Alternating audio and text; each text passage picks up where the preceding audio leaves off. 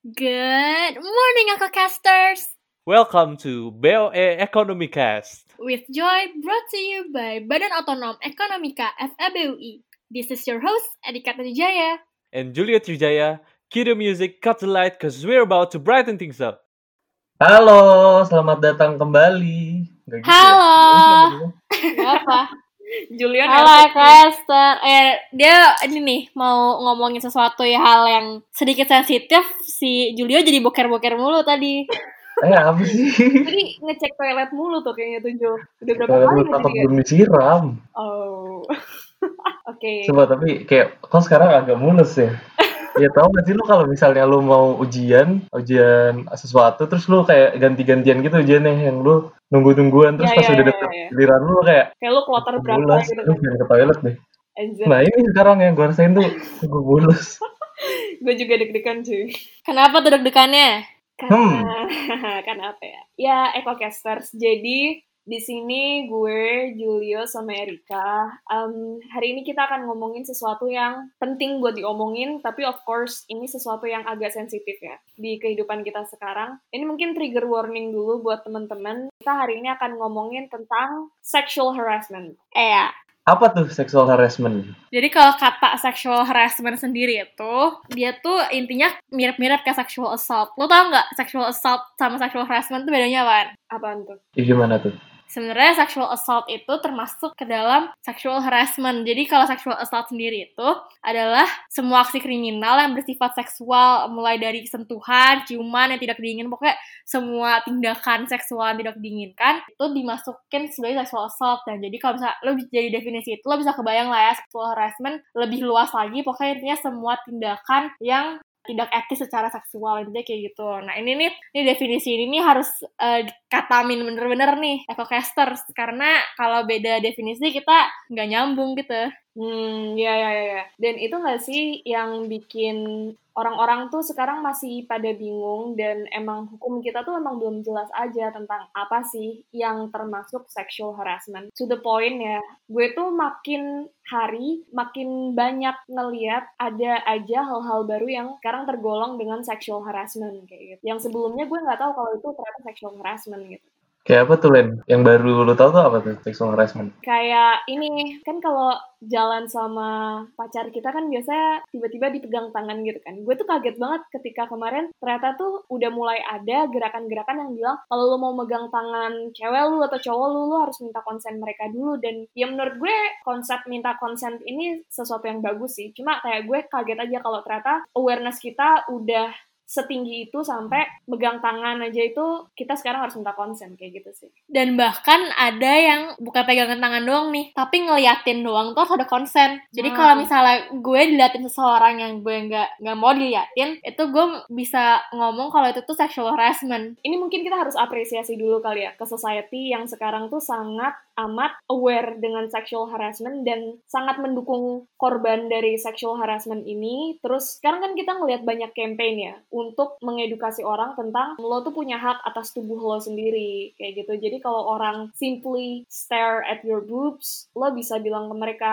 that's sexual harassment kayak gitu. Iya, gue seneng banget merasa sangat aman hidup di society yang sekarang udah makin lama semakin aware tentang pentingnya pembudayaan gerakan-gerakan seperti itu. Mm-mm-mm. Karena sekarang victim itu udah lebih berani speak up. Culture kita sekarang juga udah nge-support victim sampai victim ini sekarang merasa lebih aman. Kalau yang gue lihat sih ya, ini tujuannya adalah untuk pertama melindungi victim, terus mencegah victim blaming, sama paling paling gencar gue lihat nih ya, untuk mengadili pelaku. Karena regardless kalau institusi itu nggak bisa mengadili secara adil karena emang kita belum punya aturannya kan ya, at least pelakunya ini udah kena sanksi sosial gitu. Oh iya, penting banget nih awareness dari society tentang hal ini karena selama ini sexual harassment itu di Indonesia cuma diatur sama beberapa pasal yang juga cuma diatur dengan kata cabul. Jadi kata cabul ini kalau misalnya kita lihat di KBBI itu definisinya adalah tidak senonoh. Sedangkan tidak senonoh itu kan sangat multitafsir ya. Semua orang punya uh, definisi sendiri buat kata tidak senonoh itu kayak apa. Jadinya emang susah buat diambil tindak hukumnya kayak kasus yang baru-baru ini, kasus Gilang ya. Mhm. Itu Oh, tuh iya. Iya, Malah jadi kasus Gilang ini bukannya malah dipidana atas dasar Undang-Undang KUHP 289 sampai 296, dia malah dipidana atas Undang-Undang ITE. Padahal kan itu kejadian yang mungkin semua orang udah bisa bilang kalau itu udah jelas banget, itu adalah sexual harassment gitu kan. Tapi dia malah dijeratnya sama Undang-Undang ITE. Ya karena emang lucu aja gak sih pemerintah kita sampai bilang, ya karena pembahasannya agak sulit ya. Kalau pembahasannya agak sulit kan harusnya dibahas supaya bisa Tidak menjadi mudah, Iya. supaya bisa diselesaikan. Kemarin UTS MK gue juga agak sulit ya. Gue kerjain juga. Iya kan, harus dikerjakan dan dilewati. Emang ini tuh jokes dari pemerintah kita tuh ya ya ini anjir. Dan satu lagi hal yang penting dalam menandai sebuah kekerasan seksual menurut gue dan gue yakin menurut banyak orang juga itu konsen yang Hmm. membedakan sebuah tindakan seksual itu beneran emang enak aja atau kekerasan seksual itu adalah adanya konsen. Nah, di dalam undang-undang KUHP sekarang ini yang tadi pasalnya disebutin Julio itu nggak disebutin sama sekali masalah konsen. Jadi disebutinnya tuh cuman tindakan cabul dan tindakan cabul itu ya literally kalau lu lagi enak-enak gitu walaupun dua-duanya mau itu termasuk tindakan cabul gitu. Bisa dikategorikan tindakan cabul kan. Sebenarnya bisa dibilang enggak juga kan, tergantung masing-masing. Bisa aja lu bilang kalau itu tindakan cabul, bisa aja gua enggak kan. Ya, ya, ya. Karena ini sangat amat rancu dan yang tahu konsen itu sebenarnya kan orang yang melakukan itu ya. Jadi tuh kalau nggak ada aturannya, benar-benar orang tuh bisa terjerumus. Karena gue pernah lihat gini di Instagram cuy. Eh, ada yang nulis gini, manipulated consent is no consent gitu kan. Jadi kayak dari mana kita tahu orang ini benar-benar konsen kan kalau di Kanada kan udah ada tuh ya Jul ya kayak kemarin kita discuss tentang kalau orang ini bilang enggak berarti itu bukan konsen tapi kalau dia nggak bilang enggak itu berarti konsen gitu kan Enggak, enggak gitu. Kalau di Kanada itu, Mm-mm.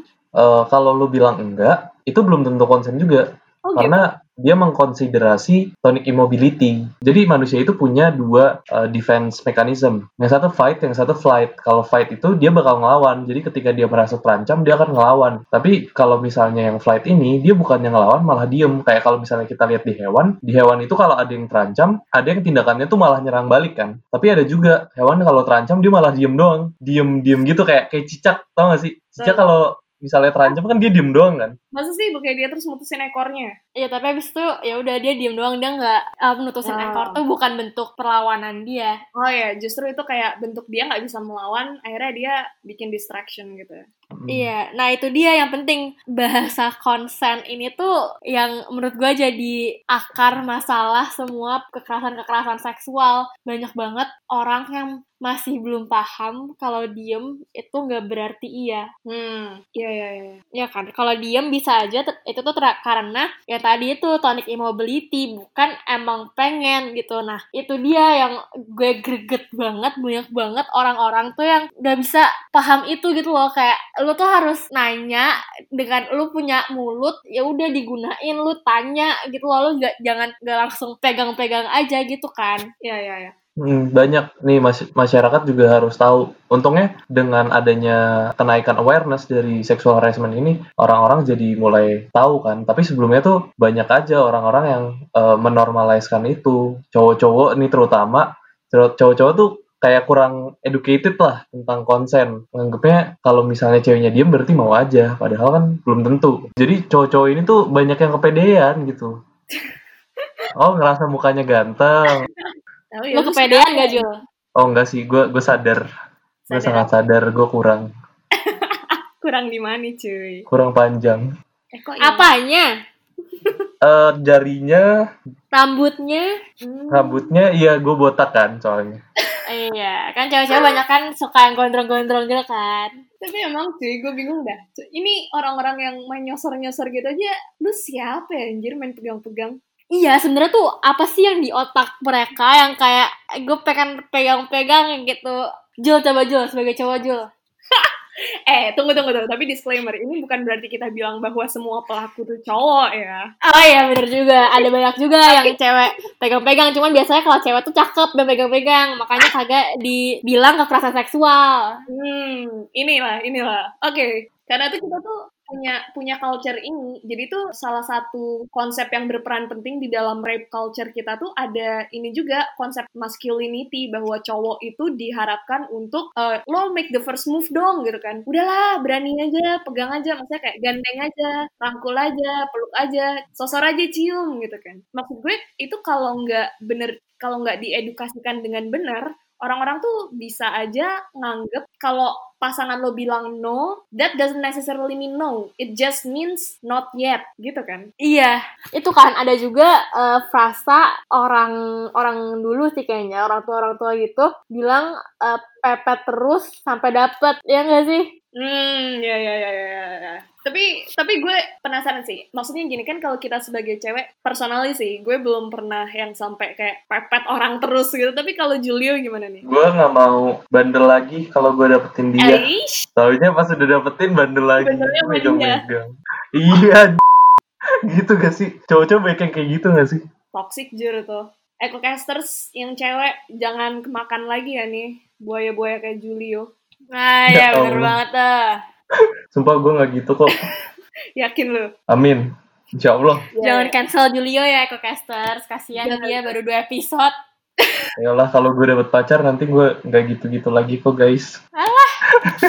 Tapi anyway, mungkin ini kali ya yang bikin kita nervous di awal tadi itu karena um, ini adalah suatu topik yang sensitif dan kalau menurut gue sih, kenapa ini jadi sesuatu yang sensitif itu karena aturan kita tuh masih belum jelas gitu nggak sih guys? Kayak yang kita bahas tadi di awal, karena negara itu nggak punya aturan yang jelas tentang apa sih yang termasuk sexual harassment, akhirnya society itu berusaha untuk uh, take matters into their own hands gitu kan.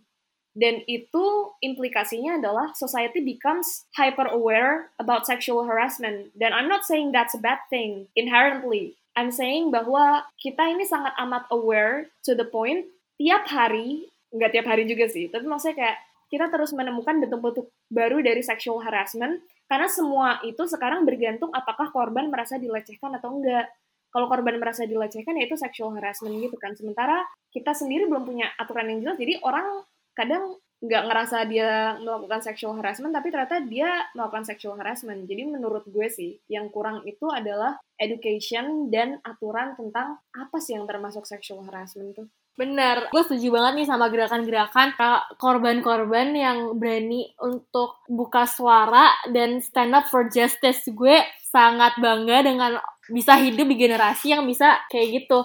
Oh ya, jadi society ini sekarang diperkuat lagi nih sama sosial media. Dengan adanya sosial media tuh yang jadi korban tuh mulai speak up dan dengan adanya sosial media ini empowering orang-orang buat ngomongin apa yang mereka keluh kesahkan. Dan sosial media juga bisa ngasih anonymity ke korban-korban ini. Jadi kalau misalnya mereka takut ngeluarin identitas mereka sendiri, mungkin mereka takut diteror sama mantannya atau pelaku, itu mereka bisa nutupin identitas mereka gitu loh. Selain dari ngelaporin ke orang lain tadi, sosial media juga ngasih engagement yang luas. Jadi banyak orang yang bisa ngebantu korban ini untuk merasa lebih aman. ya ya Karena dapat banyak dukungan kan dari orang-orang. Jadi korbannya ini merasa dilindungi lah.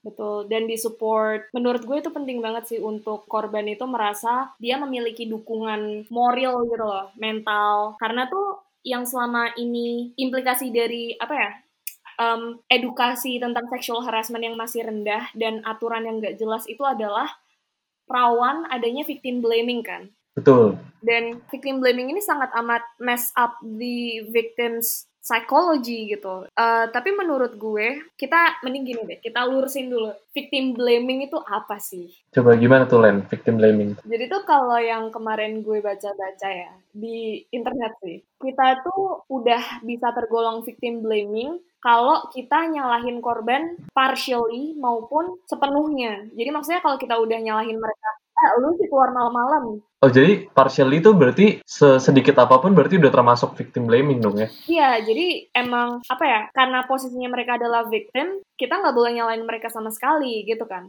Victim ini adalah kalau di kasus kekerasan seksual karena memang sekarang posisinya adalah mereka itu sangat amat apa ya? Maksudnya mungkin masih lemah gitu secara peradilan ya, secara legal gitu. Ya emang mungkin kita harus melindungi mereka banget di society karena kita kan nggak bisa mengandalkan legalitas peradilan atau peraturan pemerintah gitu kan karena nggak ada kan Jadi emang orang itu pasti akan punya sebuah bahasanya mungkin kayak knee jerk reaction gitu loh terhadap sesuatu yang gak adil gitu kan. Iya, makanya kalau misalnya di ranah hukum kan kita kenal apa yang namanya innocent until proven guilty kan. Hmm, presumption. Sedangkan kalau misalnya di hukum jalanan ini itu yang berlaku adalah guilty until proven innocent. terhadap eh, pelakunya. Ada pelakunya benar. Ya ya, kemarin juga ada tuh yang gue baca salah satu netizen tuh juga juga bilang gitu kalau dalam kasus pelecehan seksual percaya pada korban sampai terbukti sebaliknya. Mungkin emang emang karena se se urgent itu kasus kekerasan. Jadi ini. victims kayak dewa gitu ya, kayak Tuhan Yesus gitu kayak gak, gak pernah salah. Weh, weh, Eh, Tapi, tapi gak gitu. Gue, ya itu gue victim blaming sih. Cuman,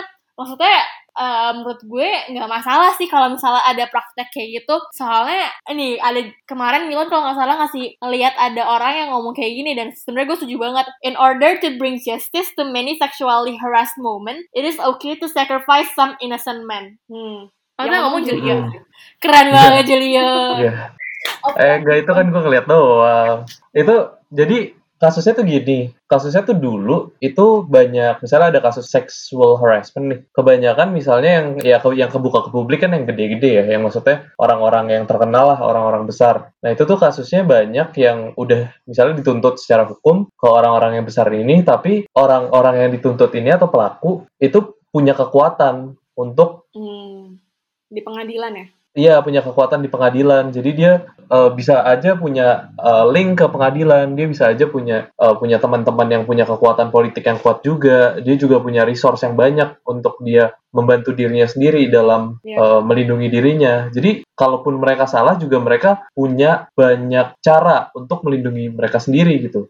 Sementara si victim ini powerless gitu kan. Iya, sedangkan victim ini powerless. Kasus yang gedenya itu Weinstein case. Jadi kasusnya ini ada orang, seorang produser film besar, namanya Harvey Weinstein. Ini eh, dituntut sama seorang aktris yang merasa dilecehkan oleh Weinstein ini. Dan dia nggak terima, si Weinstein ini juga melindungi dirinya sendiri. Si aktris ini membawa kasusnya ke sosial media. Menuntutnya itu dia pakai hashtag MeToo di jadi kayak buat nge-encourage orang-orang kalau misalnya mereka jadi korban sexual harassment buat bales statusnya dia dengan hashtag MeToo. Nah, dari sini tuh akhirnya banyak aktris-aktris lain yang ikutan speak up akhirnya. Dan akhirnya at the end ketahuan kalau ada 80 korban dari Harvey Weinstein ini. Shit, 80 cuy.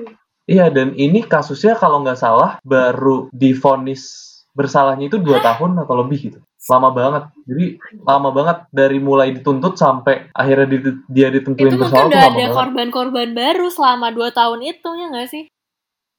Mungkin, mungkin banget. Iya anjir, cuy serem banget. Ini pertama karena peraturannya, gue nggak tahu sih kalau di sana peraturannya gimana. Cuma gue yakin itu peraturannya nggak berpihak pada korban. Dan yang kedua emang di masyarakatnya mungkin masih ada norma-norma yang agak patriarkis ya, yang membela kalau cowok tuh emang punya. Lo lo pernah baca nggak sih yang kayak justifikasi bahwa cowok tuh emang em, hormonnya tuh lebih tinggi aja, jadi Iya, lebih agresif. ya ya elah bro bro Ya elah, masih aja bro. Terus gue pernah dengar juga sih, eh, mungkin ini juga kayak si kasus Weinstein ini sering kali dinormalisasi kayaknya kalau di eh, enter- entertainment industry. Banyak aktris yang ngomong kalau mereka itu sering di sexual harass waktu casting. oh Jadi ketika casting eh, sering disuruh ini itu yang mereka nggak nyaman. Cuma karena mereka pengen dapet jobnya, jadi mau nggak mau mereka ikutin gitu. Padahal sebenarnya mereka nggak Wah, itu nyaman. fucked up Iya, iya, banget iya. sih. Lo tau gak sih kayak si Scarlett Johansson Mhm. pasti tau lah ya. Scarlett Iya, Johansson tuh di Scarlett Johansson. awal-awal em, karirnya tuh dia sangat amat di objectify karena dia emang em, ya she's stunningly hot. Gue pernah lihat kayak interview dia waktu pertama kali ke Oscars kalau nggak salah Oscars nomination gitu. Dia pakai dress merah gitu and she was very beautiful. Tapi terus kayak yang wawancara ini tuh he asked to grab her boobs gitu loh. Terus kayak apaan sih? Wah gila, aneh banget. Lu siapa? Sekali lagi lo siapa, bro? Seenggak bisa gila, nahan itu kah? Iya, maksud maksud gue kayak lo nggak bisa nahannya tuh seberapa sih? Ini ini yang bikin gue heran gitu loh. Kemarin gue sempet discuss sama temen gue, dia anak anak psikologi gitu. Uh, gue sempet nanya kan kayak emangnya bener ya kalau orang tuh akan senggak bisa itu nahan sampai harus ngeharas orang kayak gitu? Ya jawabannya ya nggak tahu karena emang ternyata sexual harassment tuh something apa ya very psychological gitu loh bukan psychological ya very beda-beda lah antar orang tuh alasannya bis, bisa beda-beda gitu loh jadi kayak kita nggak tahu why people harass Bener-bener. kayak gitu Yang baju merah. Jangan sampai yang lolos. itu kayak dinormalisasi gak sih? Padahal itu kayak objectifying moment. Iya, lolos Iya, emang ayam apa? Jangan sampai lolos gitu kan? Itu Padahal lucu ya itu dari zaman dulu banget gak sih? Itu zamannya Warkop ya? Iya, iya. Itu kayak hasil Warkop lagunya Warkop dan kayak sampai sekarang masih sering dipakai. Padahal itu ya mungkin zaman dulu udah terlalu dinormalisasi terus sampai dibawa ke sekarang. Cuma mungkin kita harus makin sadar sih kalau hal yang kayak itu tuh nggak boleh dilanjutin. gitu. Kesalahan-kesalahan yang udah terjadi di masa lalu tuh harus kita tinggalin. Kita harus sadar dengan eh, dengan informasi-informasi yang baru kita kenal. iya Apa sih? Kok ngomong apa sih? emang gitu Jul emang EcoCast tuh harusnya nggak jelas dulu baru nanti kita akan jelas dulu percaya Tapi lu udah mau di akhir ya. Jadi sa- intinya di podcast Ya episode ini kita dari awal sampai akhir nggak jelas.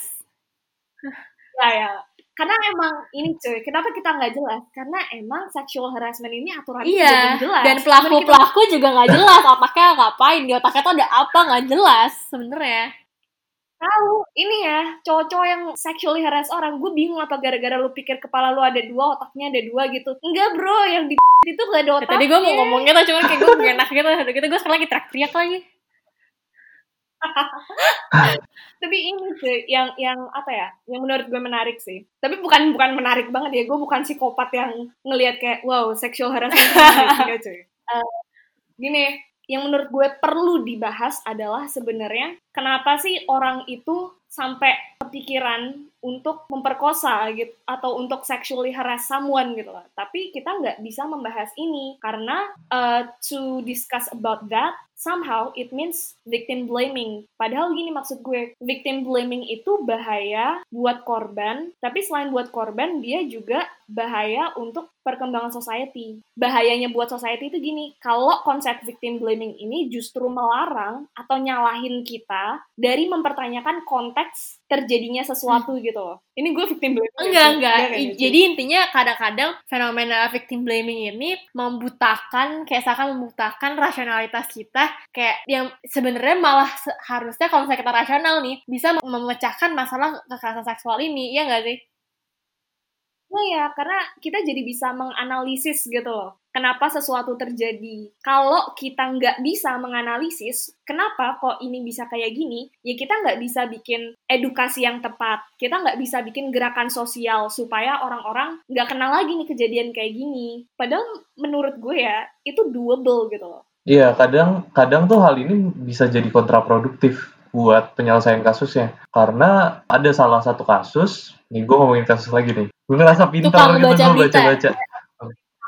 Iya, jadi ada satu kasus si cowoknya ini prodigy buat football yang tim-tim football tuh udah pada nge-scout dia, udah pengen ngesain dia dan kalau nggak salah dia juga udah sampai desain sama tim football itu masa depannya udah cerah banget. Terus tiba-tiba dia dituntut sama mantannya atas sexual harassment. Padahal waktu kejadian itu sama-sama mau pas dia nuntut ya kan dia langsung di cancel sama society gitu kan. Sampai dia diputus kontraknya langsung dia nggak main football lagi akhirnya.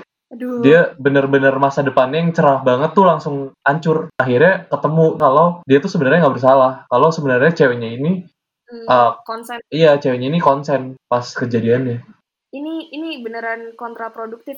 Uh, as I said tadi, kalau kalau kata nyokap gue sih, kasus sexual harassment kayak gini tuh ini harusnya ditelitinya tuh dengan pendekatan uh, ini etnografis karena beda-beda tiap orangnya dan emang kita nggak bisa menggeneralisir kalau kasus yang tadi diceritain Julio itu terjadi ke orang lain juga gitu kan. Tapi maksud gue adalah kita tuh harus menyadari bahwa jangan sampai victim blaming ini atau konsep victim blaming ini membutakan kita dari fakta atau rasionalitas. Karena gini, menurut gue sih, inti tujuan dari meningkatnya awareness orang tentang sexual harassment ini adalah to teach people to not harass, to not rape gitu kan. Tapi menurut gue, mendidik itu lebih baik daripada sekedar mengecam. Nah, yang terjadi sekarang itu, kalau kita tidak mengambil inisiatif mungkin ya untuk memperbaiki, kita mengecam pelakunya aja, tapi kita belum tentu mendidik mereka. Iya bener banget tuh. Kita harusnya nggak cuma mengecam, tapi kita juga harus mengeduket orang-orang ini. Mengeduket Hmm. cowok-cowok yang pada umumnya melakukan pelecehan seksual. kan. Kita harus ngasih tahu mereka batas-batasnya. Dan Iya. kita tuh harus meruntuhkan tembok-tembok patriarkis inilah. Mantap. Intinya nih moral of the story ada dua nih. Yang pertama kita harus mengedukasi diri kita sendiri dan orang lain terlepas gendernya tentang kekerasan seksual dan consent. Ini penting banget nih. Dan yang kedua adalah it's much closer than we think. Ya sih? Jadi kita harus selalu berhati-hati dan berusaha sebisa mungkin supaya make this world a better place. Iya, kenapa better place ya? Ya, iya. Dan yang ketiga ada lagi nih. Kita juga harus memaksa pemerintah untuk membuat aturan yang jelas, buat mengesahkan aturan yang RUU jelas, PKS. Bener mengesahkan Mungkin- RUU PKS. Mungkin kita selain uh, memaksa, kita juga harus nyemangatin. Karena kayaknya ini pemerintah loyo banget, susah Iya dikit, banget. meredup Iya. gitu kan. Karena kemarin ketika, susah, ketika gue belajarnya susah tuh nyokap gue tuh nyemangatin gitu, bawain jus, bawain buah, makanan. Apakah kita harus melakukan yang sama? Ngasih sesajen dulu kali Ayo, ya. Sesajen. boleh, boleh, boleh. Tapi ini cuy, untuk untuk Bukannya udah banyak ya sajennya ya? oh pajak tuh sajen kali ya. Pajaknya kan nggak semuanya ke... Eh, eh, eh, eh, nih. eh. Different topic for Itu another day. Tapi mungkin ini untuk men, apa ya merangkum pembicaraan kita pada hari ini tuh mungkin bagi teman-teman yang masih belum tahu Rama Vandika, Rama Vandika adalah bapak kita semua. Iya. Rama Vandika ini Rama Vandika ini hari ini lah di tadi BOR Ekonomika.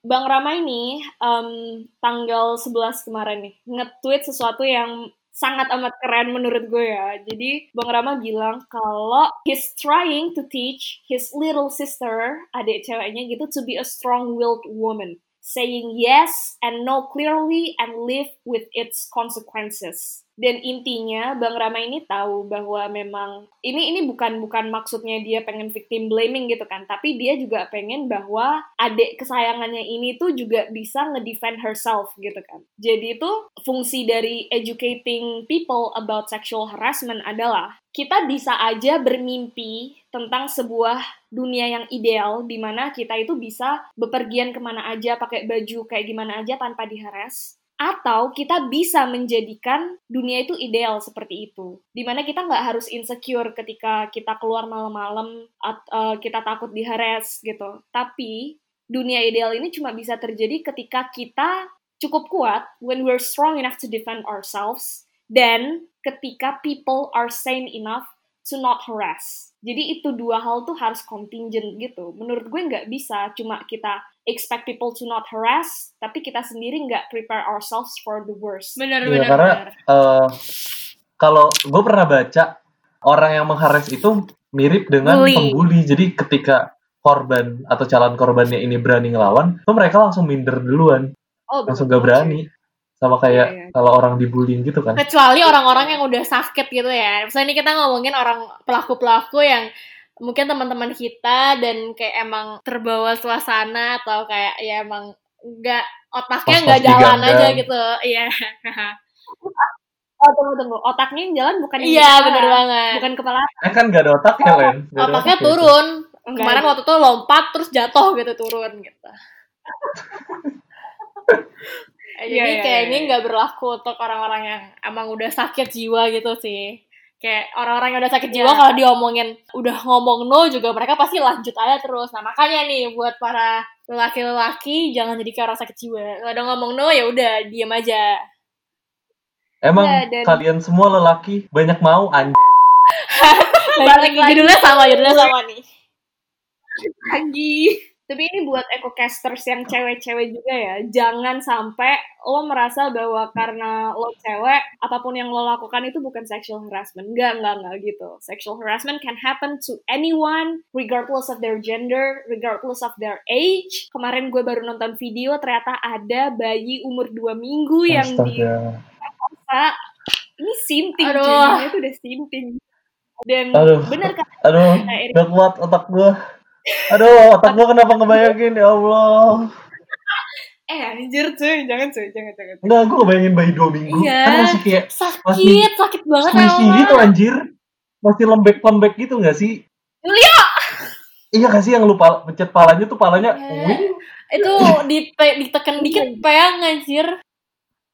Ah, iya temen gue tuh lahirnya di vakum gitu kan terus kepalanya tuh jadi lancip gitu Nah, selama dua minggu tuh kepalanya gitu biar kepalanya nggak lancip Anjir. tapi ke, jidatnya Aneh banget. gitu. emang masih lembek Iya, Tapi ini ini ya gitu. sakit banget anjir nih emang dunia ini butuh mesayah yang baru gitu ya buat menghapus dosa-dosa manusia-manusia seperti itu.